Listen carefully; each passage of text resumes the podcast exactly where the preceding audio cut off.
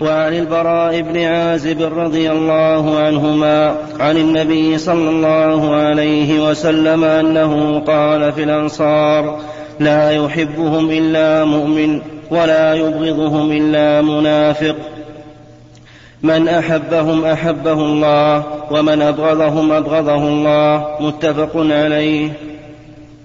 وعن معاذ رضي الله عنه قال سمعت رسول الله صلى الله عليه وسلم يقول قال الله عز وجل المتحابون في جلالي لهم منابر من نور يغبطهم النبيون والشهداء. رواه الترمذي وقال حديث حسن صحيح.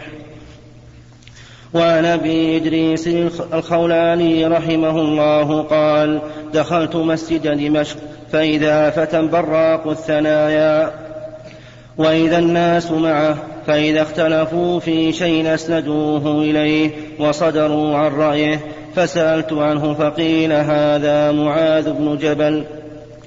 فلما كان من الغد هجرت فوجدته قد سبقني بالتهجير ووجدته يصلي فانتظرته حتى قضى صلاته ثم جئته من قبل وجهه فسلمت عليه ثم قلت والله إني لأحبك قال والله إني لأحبك فقال آه الله.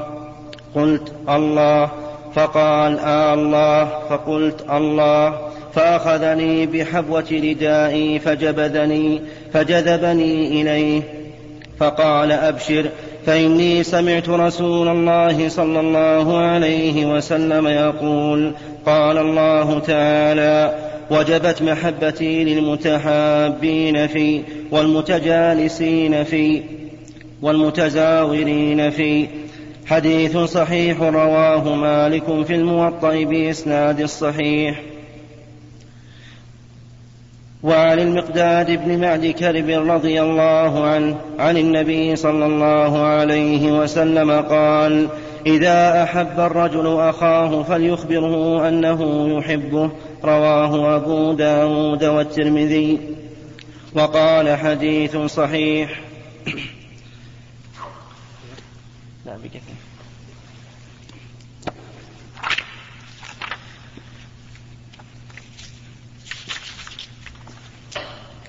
وعن معاذ رضي الله عنه أن رسول الله صلى الله عليه وسلم أخذ بيده وقال يا معاذ والله إني لأحبك ثم أوصيك يا معاذ.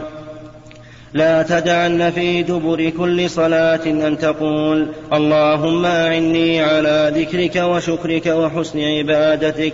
حديث صحيح رواه أبو داود والنسائي بإسناد صحيح. وعن أنس رضي الله عنه أن رجلا كان عند النبي صلى الله عليه وسلم فمر رجل به فقال يا رسول الله إني لأحب هذا. فقال له النبي صلى الله عليه وسلم أعلمته قال لا. قال أعلم. فلحقه فقال إني أحبك في الله. فقال أحبك الله الذي أحببتنا له. رواه أبو داود بإسناد صحيح. هذه الأحاديث كلها في بيان المحبة وأن الإنسان ينبغي له أن يكون حبه لله وفي الله. وفي هذا الحديث الذي أشار إليه ذكره المؤلف رحمه الله حيث قال النبي صلى الله عليه وسلم والذي نفسي بيده لا تدخلوا الجنة حتى تؤمنوا ولا تؤمنوا حتى تحابوا. أفلا أخبركم بشيء إذا فعلتموه تحاببتم؟ أفشوا السلام بينكم. ففي هذا دليل على أن المحبة من كمال الإيمان وأنه لا يكمل إيمان العبد حتى يحب أخاه. وأن من أسباب المحبة أن يفشي الإنسان السلام بين إخوانه أن يظهره ويعلنه ويسلم على من لقيه من المؤمنين سواء عرفه أم لم يعرفه. فإن هذا من أسباب المحبة. ولذلك إذا مر بك الرجل وسلم عليك أحببته وإذا أعرض كرهته ولو كان أقرب الناس إليك. فالذي يجب على الإنسان أن يسعى بكل سبب يوجب إلى المودة والمحبة بين المسلمين. لأنه ليس من المعقول ولا من العادة أن يتعاون الإنسان مع شخص لا يحبه. ولا يمكن التعاون على الخير والتعاون على البر والتقوى إلا بالمحبة. ولهذا كانت المحبة في الله من كمال الإيمان. وفي حديث معاذ رضي الله عنه إخبار النبي صلى الله عليه وسلم إياه أنه يحبه. فدل هذا على أن من السنة إذا أحببت شخصا أن تقول إني أحبه. وذلك لما في هذه الكلمة من إلقاء المحبة في قلبه. لأن الإنسان إذا علم أنك تحبه وأحبك مع أن القلوب لها تعارف وتآلف وإن لم تنطق الألسن. وكما قال النبي عليه الصلاة والسلام الأرواح جنود مجندة ما تعارف منها ائتلف وما تناكر منها اختلف. لكن إذا قال, إذا قال الإنسان بلسانه فإن هذا يزداد محبة في القلب. فتقول إني أحبك في الله. وفي قوله عليه الصلاة والسلام لا تدعن أن تقول في دبر كل صلاة يعني في آخر كل صلاة. لأن دبر الشيء من الشيء كدبر الحيوان. وقد ورد هذا الحديث بلفظ واضح يدل على أن الإنسان يقولها قبل أن يسلم. فيقول قبل السلام اللهم أعني على ذكرك وعلى شكرك وعلى حسن عبادتك. والله موفق. قال المؤلف رحمه الله تعالى باب علامات حب الله تعالى للعبد والحث على التخلق بها والسعي في تحصيلها. قال الله تعالى قل إن كنتم تحبون الله فاتبعوني فاتبعوني يحببكم الله ويغفر لكم ذنوبكم والله غفور رحيم. وقال تعالى يا أيها الذين آمنوا من يرتد منكم عن دينه فسوف يأتي الله بقوم فسوف يأتي الله بقوم يحبهم ويحبه أذلة على المؤمنين أعزة على الكافرين. يجاهدون في سبيل الله ولا يخافون لومة لائم. ذلك فضل الله يؤتيه من يشاء والله واسع عليم. وعن أبي هريرة رضي الله عنه قال قال رسول الله صلى الله عليه وسلم إن الله تعالى يقول من عادى لي وليا فقد آذنته بالحرب وما تقرب إلي عبدي بشيء أحب إلي مما افترضت عليه وما يزال عبدي يتقرب إلي بالنوافل حتى أحبه. فإذا أحببته كنت سمعه الذي يسمع به وبصره الذي يبصر به ويده التي يبطش بها ورجله التي يمشي بها ولئن سألني لأعطينه ولئن استعاذني لأعيذنه رواه البخاري وعنه رضي الله عنه عن النبي صلى الله عليه وسلم قال إذا أحب الله تعالى العبد نادى جبريل إن الله تعالى يحب فلانا فأحببه فيحبه جبريل فينادي في أهل السماء إن الله يحب فلانا فأحبوه فيحبه أهل السماء ثم يوضع له القبول في الأرض. متفق عليه. وفي رواية لمسلم قال رسول الله صلى الله عليه وسلم إن الله تعالى إذا أحب عبدا دعا جبريل فقال إني أحب فلانا فأحببه فيحبه جبريل ثم ينادي في أهل السماء فيقول إن الله يحب فلانا فأحبوه فيحبه أهل السماء ثم يوضع له القبول في الأرض وإذا أبغض عبدا دعا جبريل فيقول إني أبغض فلانا فأبغضه فيبغضه جبريل. ثم ينادي في أهل السماء إن الله يبغض فلانا فأبغضوه. ثم توضع له البغضاء في الأرض. وعن عائشة رضي الله عنها أن رسول الله صلى الله عليه وسلم بعث رجلا على سرية فكان يقرأ لأصحابه في صلاتهم فيختم بقل هو الله أحد. فلما رجعوا ذكروا ذلك لرسول الله صلى الله عليه وسلم فقال رسول الله صلى الله عليه وسلم سلوه لأي شيء يصنع ذلك. فسألوه فقال لأنها صفة الرحمن فأنا أحب أن أقرأ بها.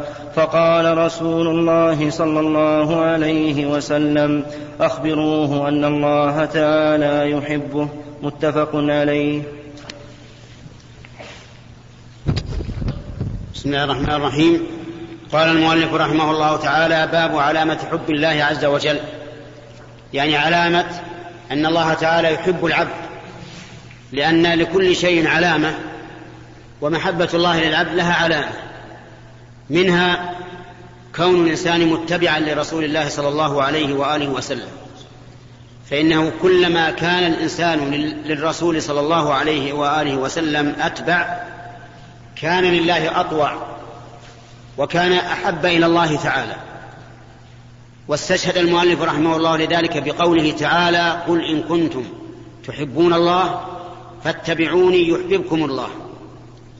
يعني إن كنتم صادقين في أنكم تحبون الله فأروني علامة. اتبعوني يحببكم الله. وهذه الآية تسمى عند السلف آية الامتحان. يمتحن بها من ادعى محبة الله. فينظر. إذا كان يتبع الرسول عليه الصلاة والسلام فهذا دليل على صدق دعواه. وإذا أحب الله أحبه الله عز وجل. ولهذا قال فاتبعوني يحببكم الله. وهذه ثمرة جليلة. أن الله تعالى يحبك. لأن الله إذا أحبك نلت بذلك سعادة الدنيا والآخرة. ثم ذكر المؤلف حديث أبي هريرة رضي الله عنه أن النبي صلى الله عليه وآله وسلم قال من عادى لي وليا فقد آذنته بالحرب. من عادى لي وليا اي صار عدوا لولي من أوليائي فإنني أعلن عليه الحرب يكون حربا لله. الذي يكون عدوا لأحد من أولياء الله فهو حرب لله والعياذ بالله مثل أكل الربا. فإن لم تفعلوا فأذنوا بحرب من الله ورسوله. ولكن من هو ولي الله؟ ولي الله سبحانه وتعالى بينه الله في قوله ألا إن أولياء الله لا خوف عليهم ولا هم يحزنون؟ الذين آمنوا وكانوا يتقون. هؤلاء هم أولياء الله. فمن كان مؤمنا تقيا كان لله وليا. هذه هي الولاية. وليست الولاية أن أن يخشوشن الإنسان في لباسه أو أن يترهبن أمام الناس أو أن يطيع كمة أو أن يخنع رأسه. لا. الولاية الإيمان والتقوى الذين آمنوا وكانوا يتقون. فمن عاد هؤلاء فإنه حرب لله والعياذ بالله. حرب. ثم قال قال الله عز وجل في الحديث القدسي ولا يزال وما تقرب إلي عبدي بشيء أحب إلي مما افترضت عليه. يعني أحب ما يحب الله الفرائض. فالظهر أحب إلى الله من رواتب من راتبة الظهر. والمغرب أحب إلى الله من راتبة المغرب. والعشاء أحب إلى الله من راتبة العشاء. والفجر أحب إلى الله من راتبة الفجر. والصلوات المفروضة أحب إلى الله من قيام الليل. كل الفرائض أحب إلى الله من النوافل والزكاة أحب إلى الله من الصدقة. وحج الفريضة أحب إلى الله من حج التطوع. كل ما كان أوجب فهو أحب إلى الله عز وجل. ما تقرب إلي عبدي بشيء أحب إلي مما افترضت عليه. ولا يزال عبدي يتقرب إلي بالنوافل حتى أحبه. وفي هذا إشارة إلى أن من أسباب محبة الله أن تكثر من النوافل من التطوع. تطو... نوافل الصلاة نوافل الصدقة نوافل الصوم نوافل الحج وغير ذلك من النوافل فلا يزال العبد يتقرب إلى الله بالنوافل حتى يحبه الله. فإذا أحبه الله كان سمعه الذي يسمع به وبصره الذي يبصر به ويده التي يبطش بها ورجله التي يمشي بها ولئن سأله لا يعطينه ولئن استعاذه لا يعيدنه. كنت سمعه يعني أنني أسدده في سمعه فلا يسمع إلا ما يرضي الله. وبصره أسدده في بصره فلا يبصر إلا ما إلا ما يحب الله. ويده التي يبطش بها فلا يعمل بيده إلا ما يرضي الله. ورجله التي يمشي بها فلا يمشي برجله إلا لما يرضي الله عز وجل. فيكون مسددا في أقواله وفي أفعاله. ولئن سألني لأعطينه. هذه من ثمرات النوافل ومحبة الله عز وجل. أنه إذا سأل الله أعطاه. ولئن استعاذني يعني استجار بي مما يخاف من شره لأعيذنه. فهذه من علامة محبة الله أن يسدد الإنسان في أقواله وأفعاله. فإذا سدد دل ذلك على أنه محب على أن الله يحبه. يا أيها الذين آمنوا اتقوا الله وقولوا قولا سديدا يصلح لكم أعمالكم ويغفر لكم ذنوبكم. وذكر أيضا أحاديث أخرى في بيان محبة الله عز وجل وأن الله سبحانه وتعالى إذا أحب شخصا نادى جبريل جبريل أشرف الملائكة كما أن محمدا أشرف البشر. نادى جبريل إني أحب فلانا فأحبه فيحبه جبريل. ثم ينادي لأهل السماء إن الله يحب فلانا فأحبوه فيحبه أهل السماء. ثم يوضع له القبول في الأرض فيحبه أهل الأرض. وإذا كان يبغض وإذا كان الله وإذا أبغض الله أحدا والعياذ بالله نادى جبريل إني أبغض فلانا فأبغضه فيبغضه جبريل. ثم ينادي في أهل السماء إن الله يبغض فلانا فأبغضوه فيبغضه أهل السماء. ثم يوضع له البغضاء في الأرض والعياذ بالله فيبغضه أهل الأرض. وهذا أيضا من علامات محبة الله أن يوضع للإنسان القبول القبول في الأرض يعني يكون مقبولا لدى الناس محبوبا إليهم فإن هذا من علامات محبة الله سبحانه وتعالى للعبد. نسأل الله أن يجعلنا وإياكم من أحبابه وأوليائه.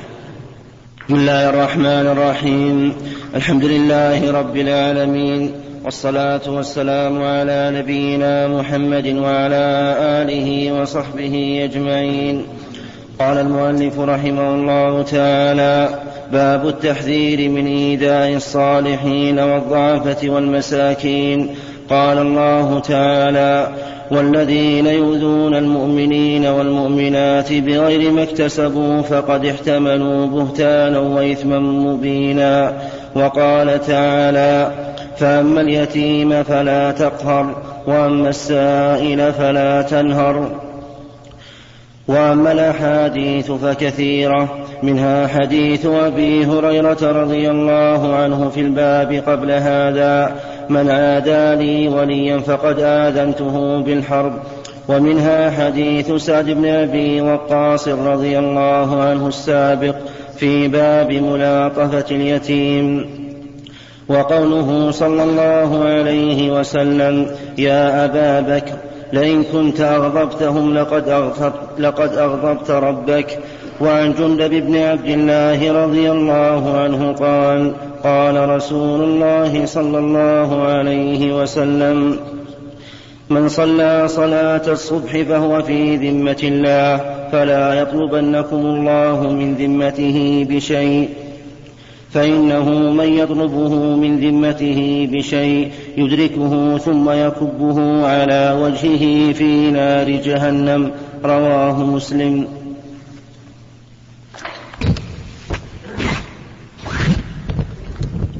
بسم الله الرحمن الرحيم. قال المؤلف رحمه الله تعالى باب التحذير من إيذاء الصالحين والضعفاء والمساكين ونحوهم. ثم ساق المؤلف قول الله تعالى والذين يؤذون المؤمنين والمؤمنات بغير ما اكتسبوا فقد احتملوا بهتانا وإثما مبينا. الأذية هي أن تحاول أن تؤذي الشخص بما يتألم منه قلبيا أو بما يتألم منه بدنيا سواء كان ذلك بالسب أو بالشتم أو باختلاق الأشياء عليه. أو بمحاولة حسده أو غير ذلك من الأشياء التي يتأذى بها المسلم.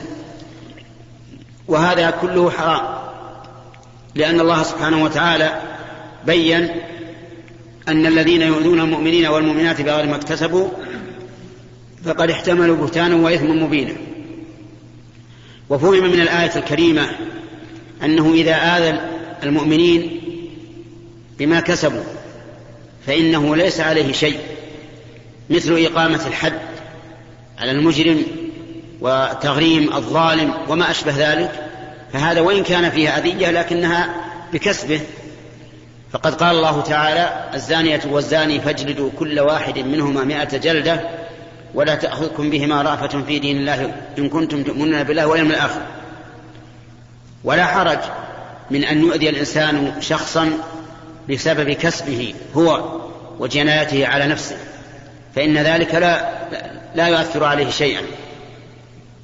ثم أشار المؤلف إلى أحاديث تدل على على التحذير من من أذية المؤمنين ومنها ما سبق في حديث أبي هريرة رضي الله عنه أن الله قال من آذى من عادى لي وليا فقد آذنته بالحرب. يعني الذي يعادي أحد من أولياء الله. فإنه قد أعلن فإن الله تعالى يعلن عليه الحرب. ومن كان حربا لله تعالى فهو خاسر قال أهل العلم وأنواع الأذى كثيرة. منها أن يؤذي جاره ومنها أن يؤذي صاحبه ومنها أن يؤذي من كان من كان معه في عمل من الأعمال وإن لم يكن بينهما صداقة بالمضايقة وما أشبه ذلك. وكل, وكل هذا حرام. والواجب على المسلم الحذر منه. والله موفق. قال رحمه الله تعالى باب إجراء أحكام الناس على الظاهر وسرائرهم إلى الله تعالى. قال الله تعالى فإن تابوا وأقاموا الصلاة وآتوا الزكاة فخلوا سبيلهم. وعن, أبي عم وعن ابن عمر رضي الله عنهما أن رسول الله صلى الله عليه وسلم قال أمرت أن أقاتل الناس حتى يشهدوا أن لا إله إلا الله وأن محمدا رسول الله ويقيموا الصلاة ويؤتوا الزكاة فإذا فعلوا ذلك عصموا مني دماءهم وأموالهم إلا بحق الإسلام وحسابهم على الله تعالى متفق عليه. وعن طارق بن أشيم رضي الله عنه قال سمعت رسول الله صلى الله عليه وسلم يقول من قال لا من قال لا إله إلا الله وكفر بما يعبد من دون الله حرم ماله ودمه وحسابه على الله تعالى. رواه مسلم. وعن المقداد بن الأسود رضي الله عنه قال قلت, لرسول الله صلى الله عليه وسلم أرأيت إن لقيت رجلا من أرأيت إن لقيت رجلا من الكفار فاقتتلنا فضرب إحدى يدي بالسيف فقطعها ثم لاذ مني بشجرة فقال أسلمت لله أقتله يا رسول الله بعد أن قالها فقال لا تقتله. فقلت يا رسول الله قطع إحدى يدي ثم قال ذلك بعد ثم قال ذلك بعدما قطعها فقال لا تقتل فإن قتلته فإن قتلته فإنه بمنزلتك قبل أن تقتله وإن وإنك بمنزلته قبل أن يقول كلمته التي قال التي قال متفق عليه. وعن أسامة بن زيد رضي الله عنهما قال بعثنا رسول الله صلى الله عليه وسلم إلى الحرقة من من جهينة فصبحنا فصبحنا القوم على على مياههم ولحقت أنا ورجل من الأنصار رجلا منهم فلما غشيناه قال لا إله إلا الله. وعن أسامة بن زيد رضي الله عنهما قال بعثنا رسول الله صلى الله عليه وسلم إلى الحرقة من جهينة فصبحنا القوم على مياههم ولحقت أنا ورجل من الأنصار رجل, رجل رجلا منهم فلما غشيناه قال لا إله إلا الله فكف عنه الأنصاري وطعنته برمحي حتى قتلته. فلما قدمنا المدينة فلما قدمنا المدينة بلغ ذلك النبي صلى الله عليه وسلم فقال لي يا أسامة أقتلته بعدما قال لا إله إلا الله؟ قلت يا رسول الله إنما كان متعوذا. فقال أقتلته بعدما قال لا إله إلا الله؟ فما زال يكررها علي حتى تمنيت أني لم أكن أسلمت قبل ذلك. قبل ذلك اليوم متفق عليه.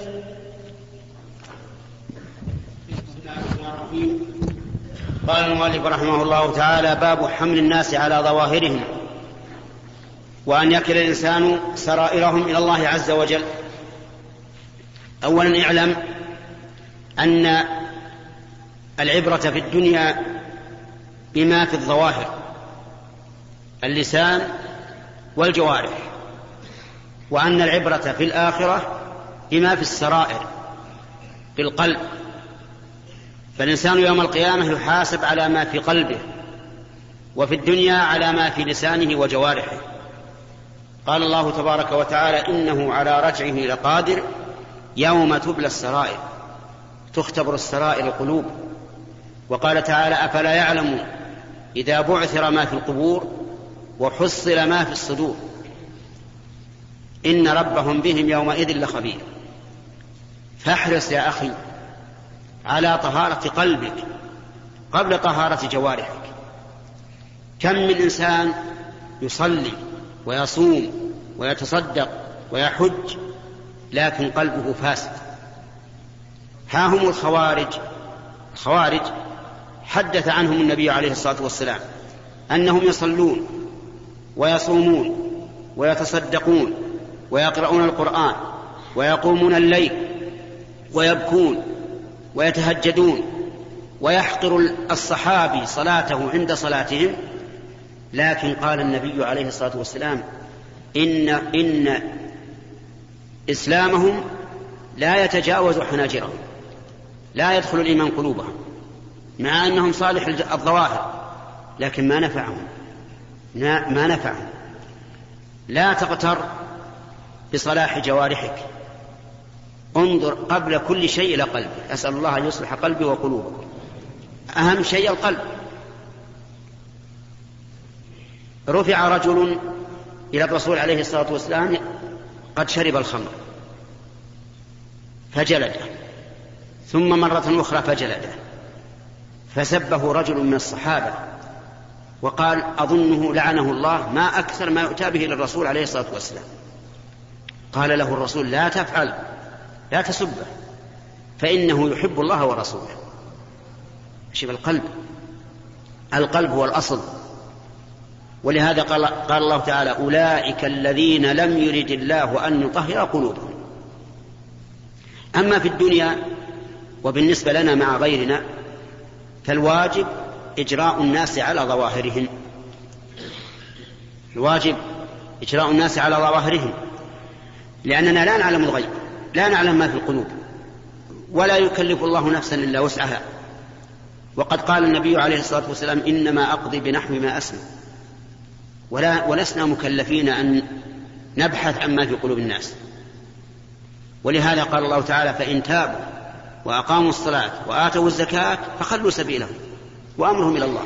يعني المشركين إن تابوا وأقاموا الصلاة وآتوا الزكاة فخلوا سبيلهم إن الله غفور رحيم وقال النبي عليه الصلاة والسلام فيما رواه ابن عمر رضي الله عنهما قال صلى الله عليه وآله وسلم أمرت أن أقاتل الناس حتى يشهدوا أن لا إله إلا الله وأن محمد رسول الله ويقيموا الصلاة ويؤتوا الزكاة فإذا فعلوا ذلك عصموا مني دماءهم وأموالهم وحسابهم على الله إذا عملنا بالظواهر ولا لا؟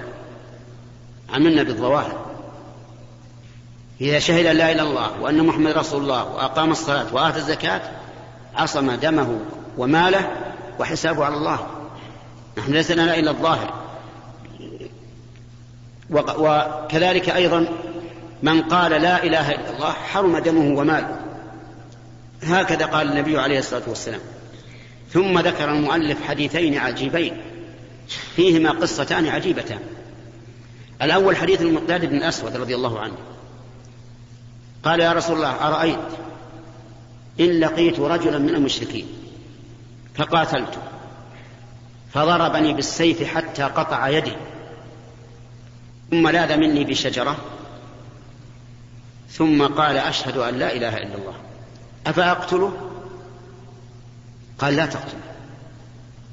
شوف مشرك قطع يد الرجل المسلم قطع يد الرجل المسلم ولاذ بالشجرة وقال أشهد أن لا إله إلا الله.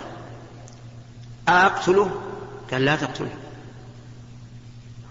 كيف قد قطع يدي يا رسول الله؟ وهو مشرك. أقتله؟ قال لا تقتله. إن قتلته فأنت مثله قبل أن يقول هذه الكلمة. يعني تكون كافر. تكون كافرا. مع مع العلم بأني أنا وأنتم نظن أن هذا الرجل قال لا إله إلا الله أو قال أشهد أن لا إله إلا الله خوفا من إيش؟ من القتل. ومع ذلك لا تقتل. حصم دمه وماله. وفي هذا الحديث أيضا دليل على أن ما أتلفه الكفار من أموال المسلمين وما جنوه على المسلمين غير مضمون.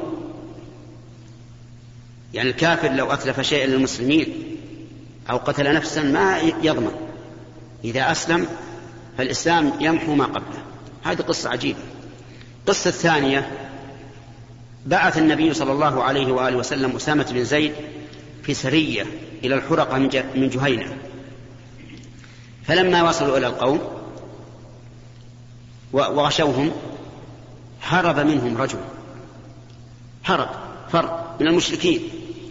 فلحقه أسامة ورجل من الأنصار يتبعونه يريدون قتله.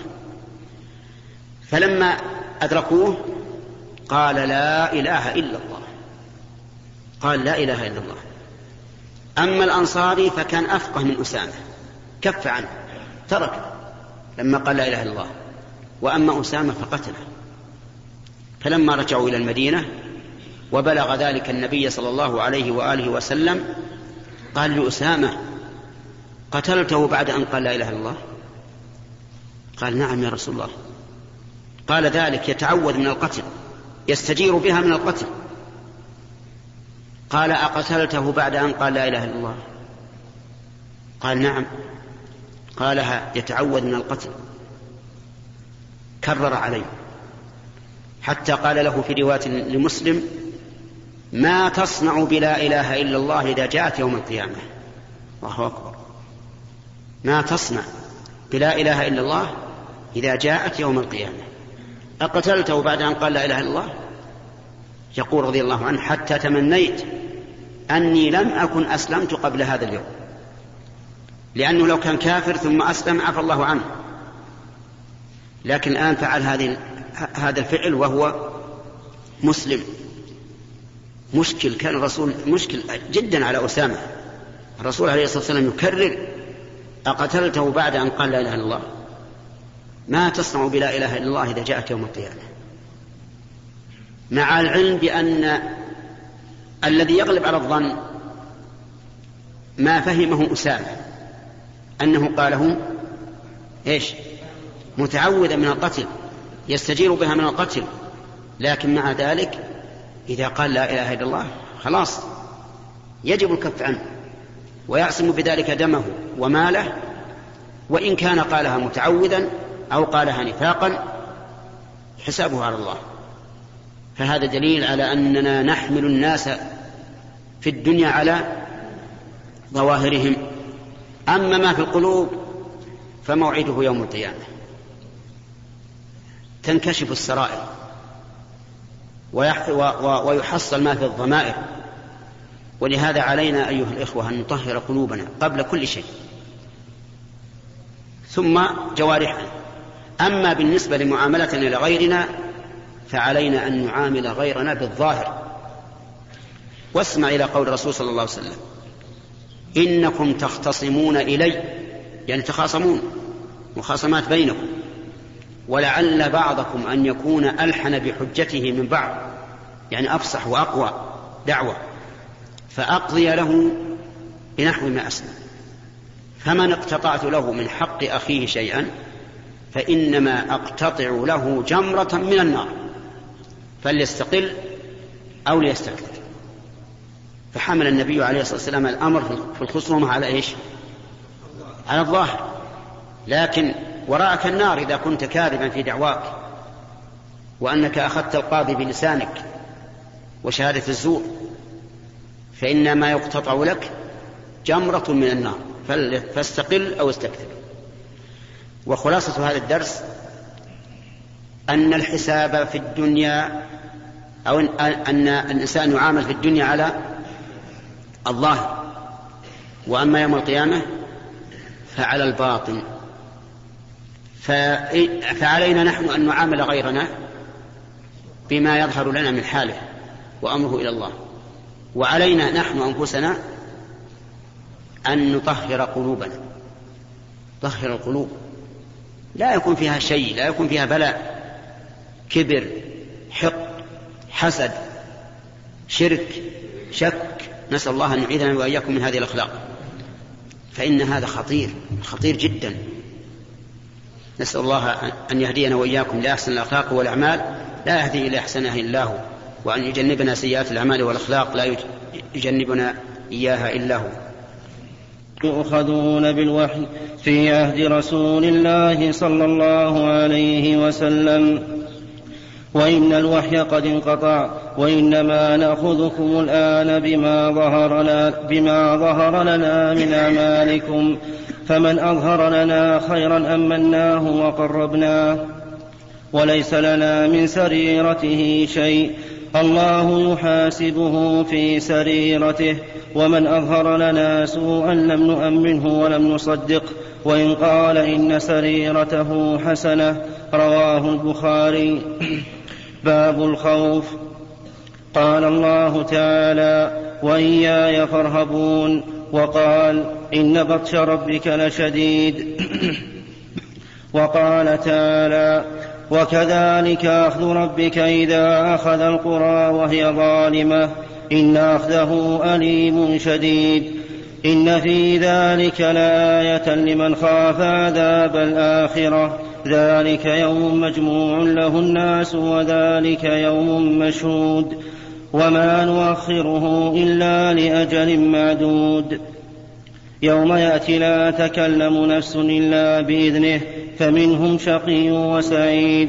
فأما الذين شقوا ففي النار لهم فيها زفير وشهيق. وقال تعالى ويحذركم الله نفسه. وقال يوم يفر المرء من أخيه وأمه وأبيه وصاحبته وبنيه لكل امرئ منهم يومئذ شأن يغنيه. وقال تعالى يا أيها الناس اتقوا ربكم إن زلزلة الساعة شيء عظيم. يوم ترونها تذهل كل مرضعة عما أرضعت وتضع كل ذات حمل حملها وترى الناس سكارى وما هم بسكارى ولكن عذاب الله شديد. وقال ولمن خاف مقام ربه جنتان؟ وقال تعالى وأقبل بعضهم على بعض يتساءلون قالوا إنا كنا قبل في أهلنا مشفقين. فمن الله علينا ووقانا عذاب السموم. إنا كنا من قبل ندعوه إنه هو البر الرحيم. والآيات في الباب كثيرة جدا. وأما الأحاديث فعن عبد الله بن مسعود رضي الله عنه قال حدثنا رسول الله صلى الله عليه وسلم وهو الصادق المصدوق. إن أحدكم يجمع خلقه في بطن أمه أربعين يوما نطفة ثم يكون علقة مثل ذلك ثم يكون مضغة مثل ذلك ثم يرسل الملك فينفخ فيه الروح ويؤمر بأربع كلمات بكتب رزقه وأجله وعمله وشقي أو سعيد فوالذي لا إله غيره. إن أحدكم ليعمل بعمل أهل الجنة حتى ما يكون بينه وبينها إلا ذراع. فيسبق عليه الكتاب فيعمل بعمل أهل النار فيدخلها وإن أحدكم ليعمل بعمل أهل النار حتى ما يكون بينه, بينه وبينها إلا ذراع فيسبق عليه الكتاب فيعمل بعمل أهل الجنة بعمل أهل الجنة فيدخلها متفق عليه. بسم الله الرحمن الرحيم. قال المؤلف فيما نقله عن أمير المؤمنين عمر بن الخطاب من رواية عبد الله بن عتبة بن مسعود. عمه عبد الله بن مسعود الصحابي الجليل رضي الله عنه.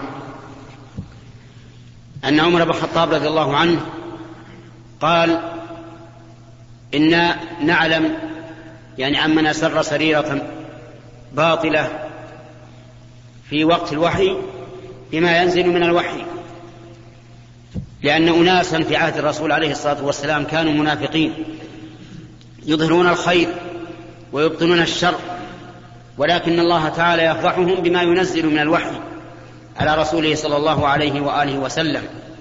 يفضحهم لا بأسمائهم ولكن بأوصافهم التي تحدد أعيانهم. والحكمة من ذكرهم بالأوصاف دون الأعيان أن ذلك يكون للعموم. يعني لو كل من اتصف بهذه بهذه الصفات مثل ومنهم من عاهد الله لئن آتانا من فضله لنصدقن ولنكونن من الصالحين.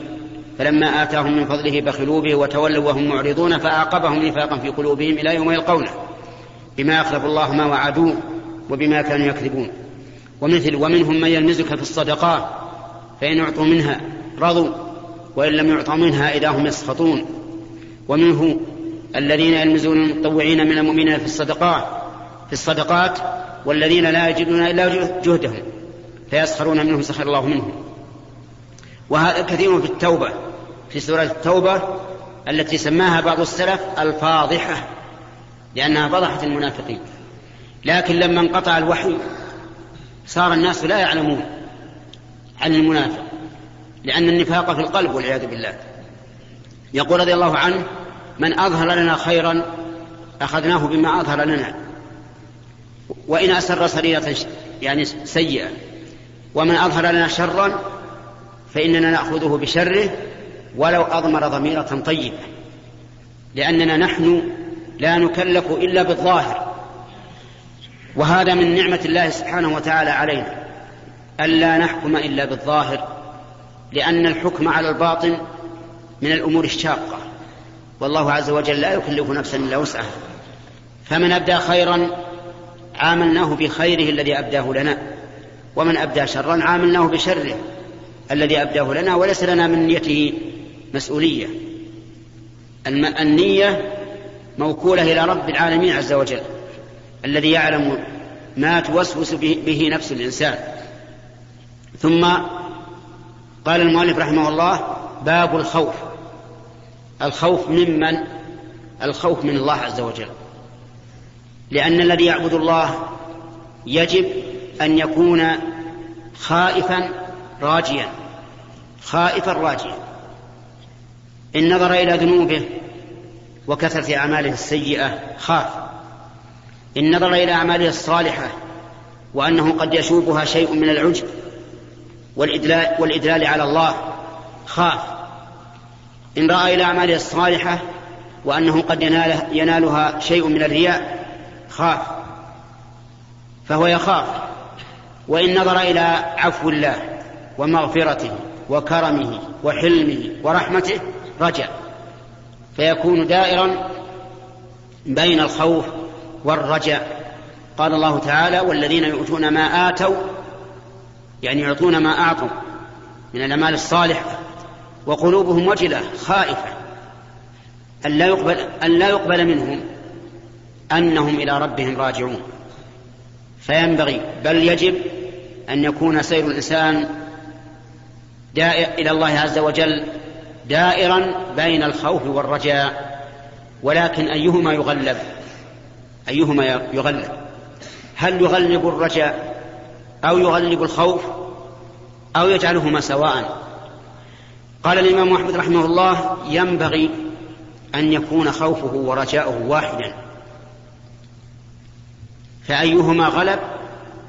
هلك صاحبه. لأنه إن غلب جانب الرجاء صار من الآمنين. وإن غلب جانب الخوف صار من القانطين من رحمة الله. وكلاهما سيء فينبغي أن يكون خوفه ورجاؤه واحدا. وقال بعض العلماء إن كان في الصحة